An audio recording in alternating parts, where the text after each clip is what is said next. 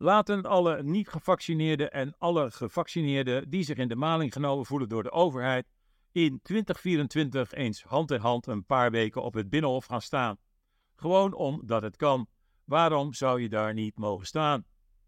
We leven immers in een inclusieve, tolerante, democratische en binnenkort zelfs elektrische maatschappij. Net zolang we Binnenhof blijven staan tot de mensen die ons de experimentele vaccins hebben opgedrongen en tegen elkaar hebben uitgespeeld zijn opgestapt. Vrolijke liedjes zingend als uh, en we gaan nog niet naar huis, nog langer niet, nog langer niet. En we gaan nog niet naar huis, want ons moeder is niet thuis. We gaan vaccineren van deur tot deur, van arm tot arm, zei Hugo de Jonge, onze minister van Volksgezondheid in 2021. Dankzij de mensen die bleven staan, die een rechte rug hadden, die zich niet lieten intimideren door de staat, is het misdadige experiment met de gifspuit mislukt. Al maakt de spuit inmiddels veel slachtoffers, waarover nog steeds wordt gezwegen. Ik keek naar het proces tegen Gideon van Meijeren. Ik zag clowns in zwarte jurken achter een tafel.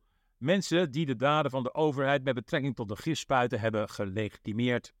Die niets hebben gedaan toen burgers volkomen onterecht hun grondrechten werden ontnomen en mensen met mondkapjes op werden opgesloten in hun huizen. En mensen die de leugens van Pharma en de overheid doorzagen, werden uitgesloten middels QR-codes. De misdaad van Gideon van Meijeren is dat hij hier als parlementariër vragen over stelt en mensen die de gifspuit hebben gelegitimeerd, confronteert met wat zij hebben nagelaten. Vragen stellen die de rechterlijke macht en de Tweede Kamer niet meer stelden en nog steeds niet stellen. De meneer van het OM sprak over geweld tegen de overheid. Wat hij hiermee precies bedoelde, zei hij niet. Hij had beter over geweld tegen de burgers kunnen spreken. Het is een nonsensproces. De rechterlijke macht laat zich voor het karretje van de politiek spannen en maakt zich volstrekt belachelijk. Van professor Matthias de Smet had de rechter nog nooit gehoord. Ook had hij haast en eigenlijk geen tijd voor het proces tegen Gideon. Het toont het niveau van de rechterlijke macht in Nederland pijnlijk aan. Onze koning hield een kersttoespraak.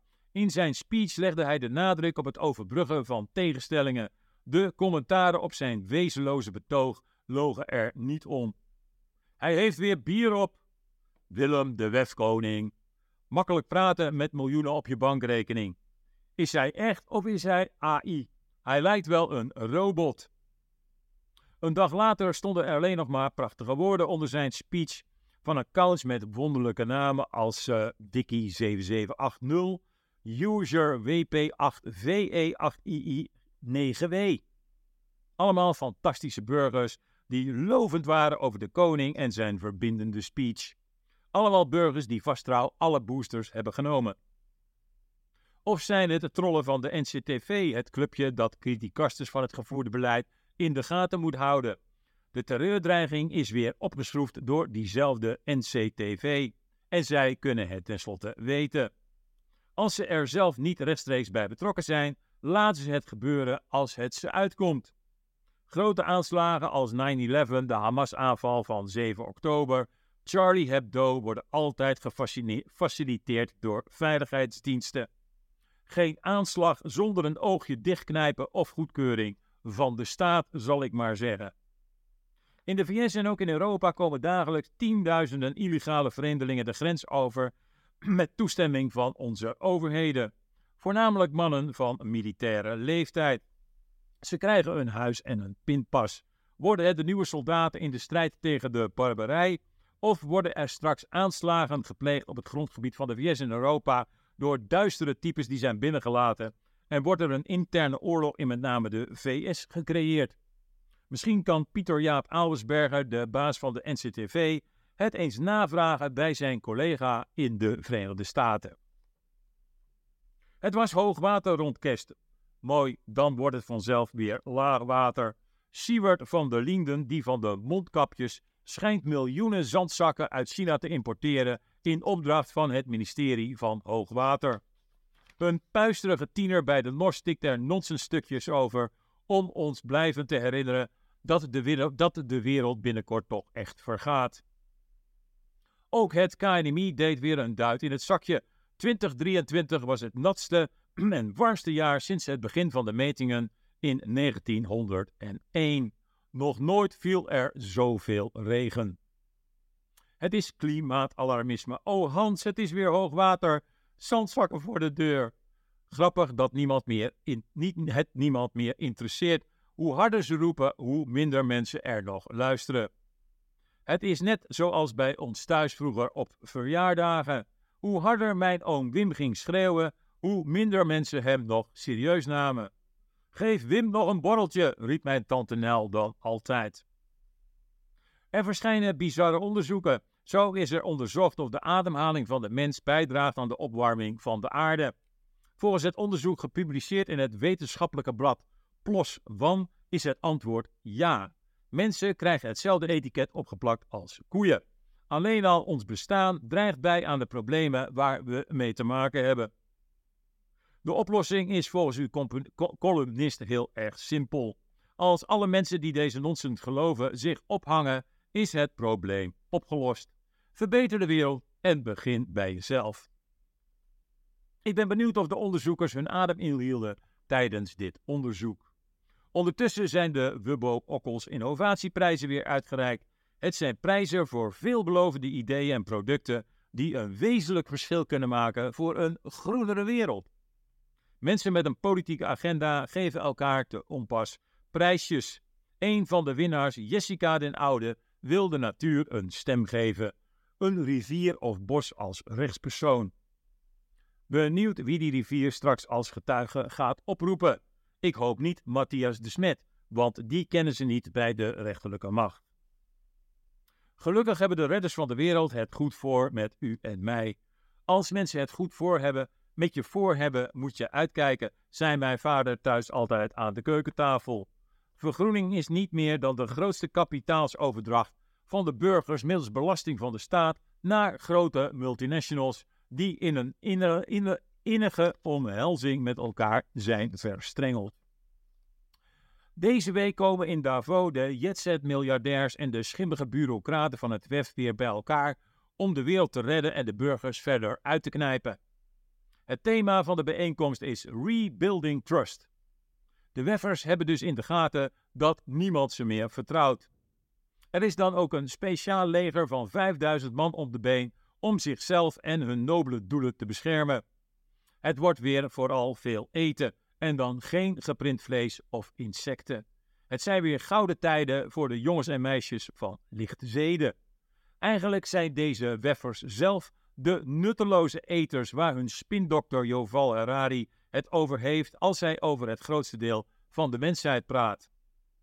Het is een ongekozen clubje dat het beleid in Nederland en de wereld bepaalt, dat ons terroriseert met klimaathysterie en kwaadaardige vaccins. U mag geen auto meer rijden of vlees eten. Boeren moeten worden vervangen door voedsel uit de fabrieken van multinationals. Ze willen je opsluiten in je huis en pillen en spuiten van Big Pharma opdringen. Ze propaganderen dat iedere man een vrouw kan worden of andersom en dat er nog meer oorlog moet worden gevoerd voor de vrede en de democratie. Nederland is een van de voortrekkers van de WEF 2030-agenda.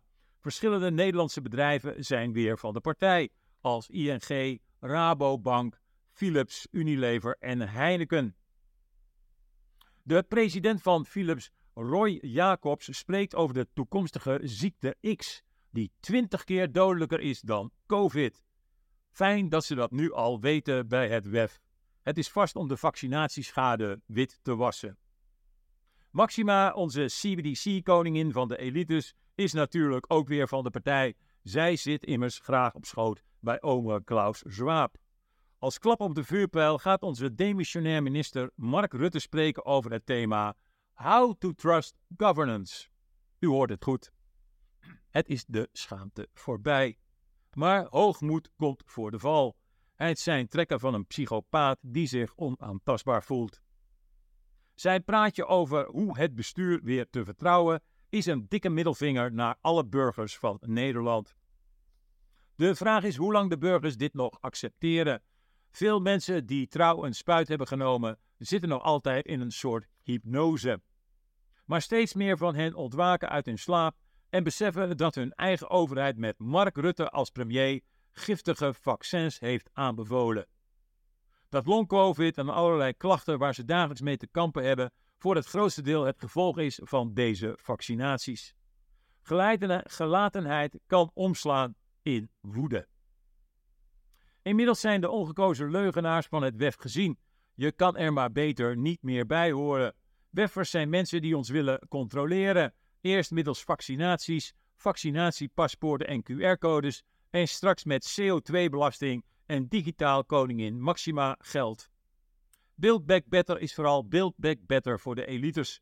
Er wordt oorlog gevoerd tegen de schepping en de liefde. Hun grootste vijand is de waarheid. Belangen van gewone mensen doen er niet toe.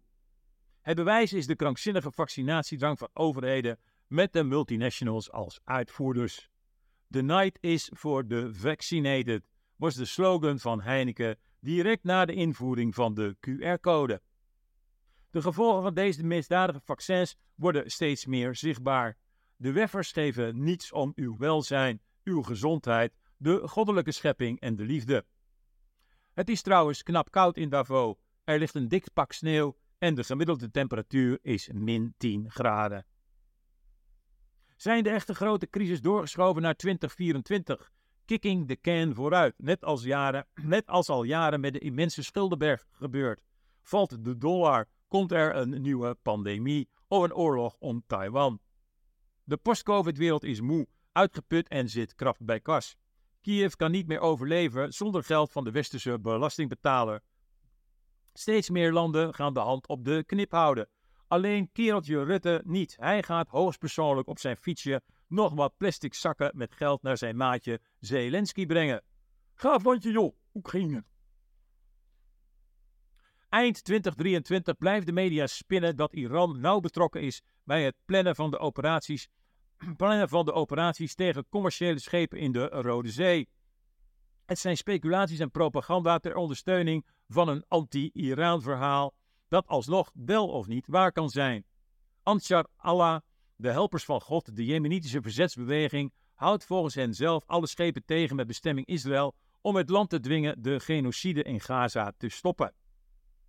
Het Westen schreeuwt moord en brand, de rest van de wereld kijkt belangstellend toe. De baas van de wereld wordt uitgedaagd. Haar op westerse regels gebaseerde wereldorde wordt uitgedaagd. De VS is haar militaire geloofwaardigheid, haar economische macht en haar morele autoriteit aan het verliezen. Iran is de bron van alle problemen in het Midden-Oosten, wordt ons al decennia wijsgemaakt.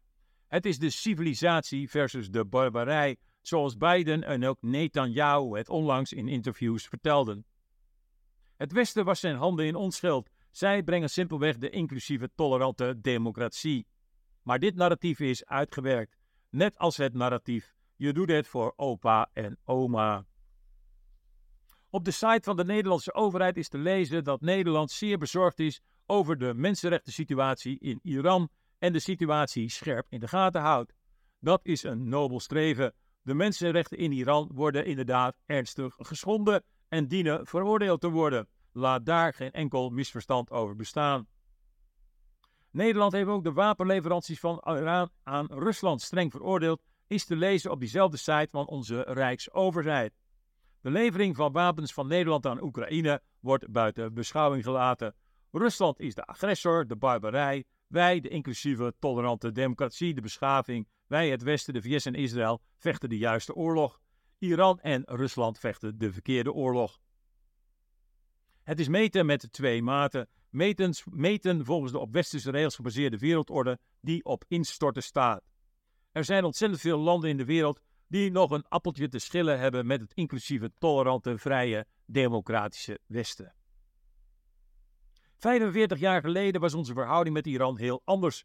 Toen hadden wij een zeer goede band met Iran, of beter met Mohammed Reza, de Shah van Perzië en zijn sprookjesachtige vrouw Farah Diba. In 1978 had de Shah voor miljarden marinefregatten besteld bij de Nederlandse scheepsbouwer Rijn Schelde Verolme, mede door bemiddeling van prins Bernhard. Ons koningshuis had een uitstekende band met het Iraanse koningshuis. Een jaar later, in 1979, maakte de Islamitische Revolutie, een volksopstand tegen de dictatoriale Shah, een einde aan de Persische monarchie.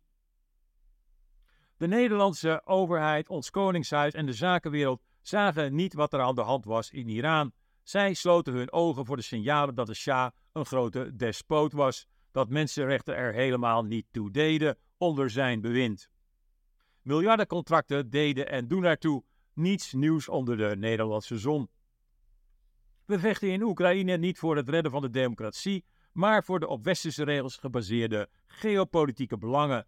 En, en dan niet langer de belangen van de bevolking, maar steeds meer de belangen van de elites, de banken en de multinationals. Vanuit westers perspectief was Irak-plan Irak plat bombarderen legitiem, is Gaza vernietigen legitiem, net als destijds Vietnam en meer recentelijk Libië, om maar een paar landen te noemen. Toch is het niet Iran dat de afgelopen 30 jaar regeringen omver heeft geworpen en miljoenen mensen heeft gedood en landen in het hele Midden-Oosten heeft verwoest. Dat heeft Washington gedaan. En het is niet Iran dat een vrede uitroeiingsoorlog tegen de burgerbevolking in Gaza voert, waarvan het grootste deel is verworden tot een puinhoop die Siegfried Kaag, de vrouw die al bang was voor een man met een fakkel, straks moet gaan opbouwen. Nee, dat is het werk van Israël.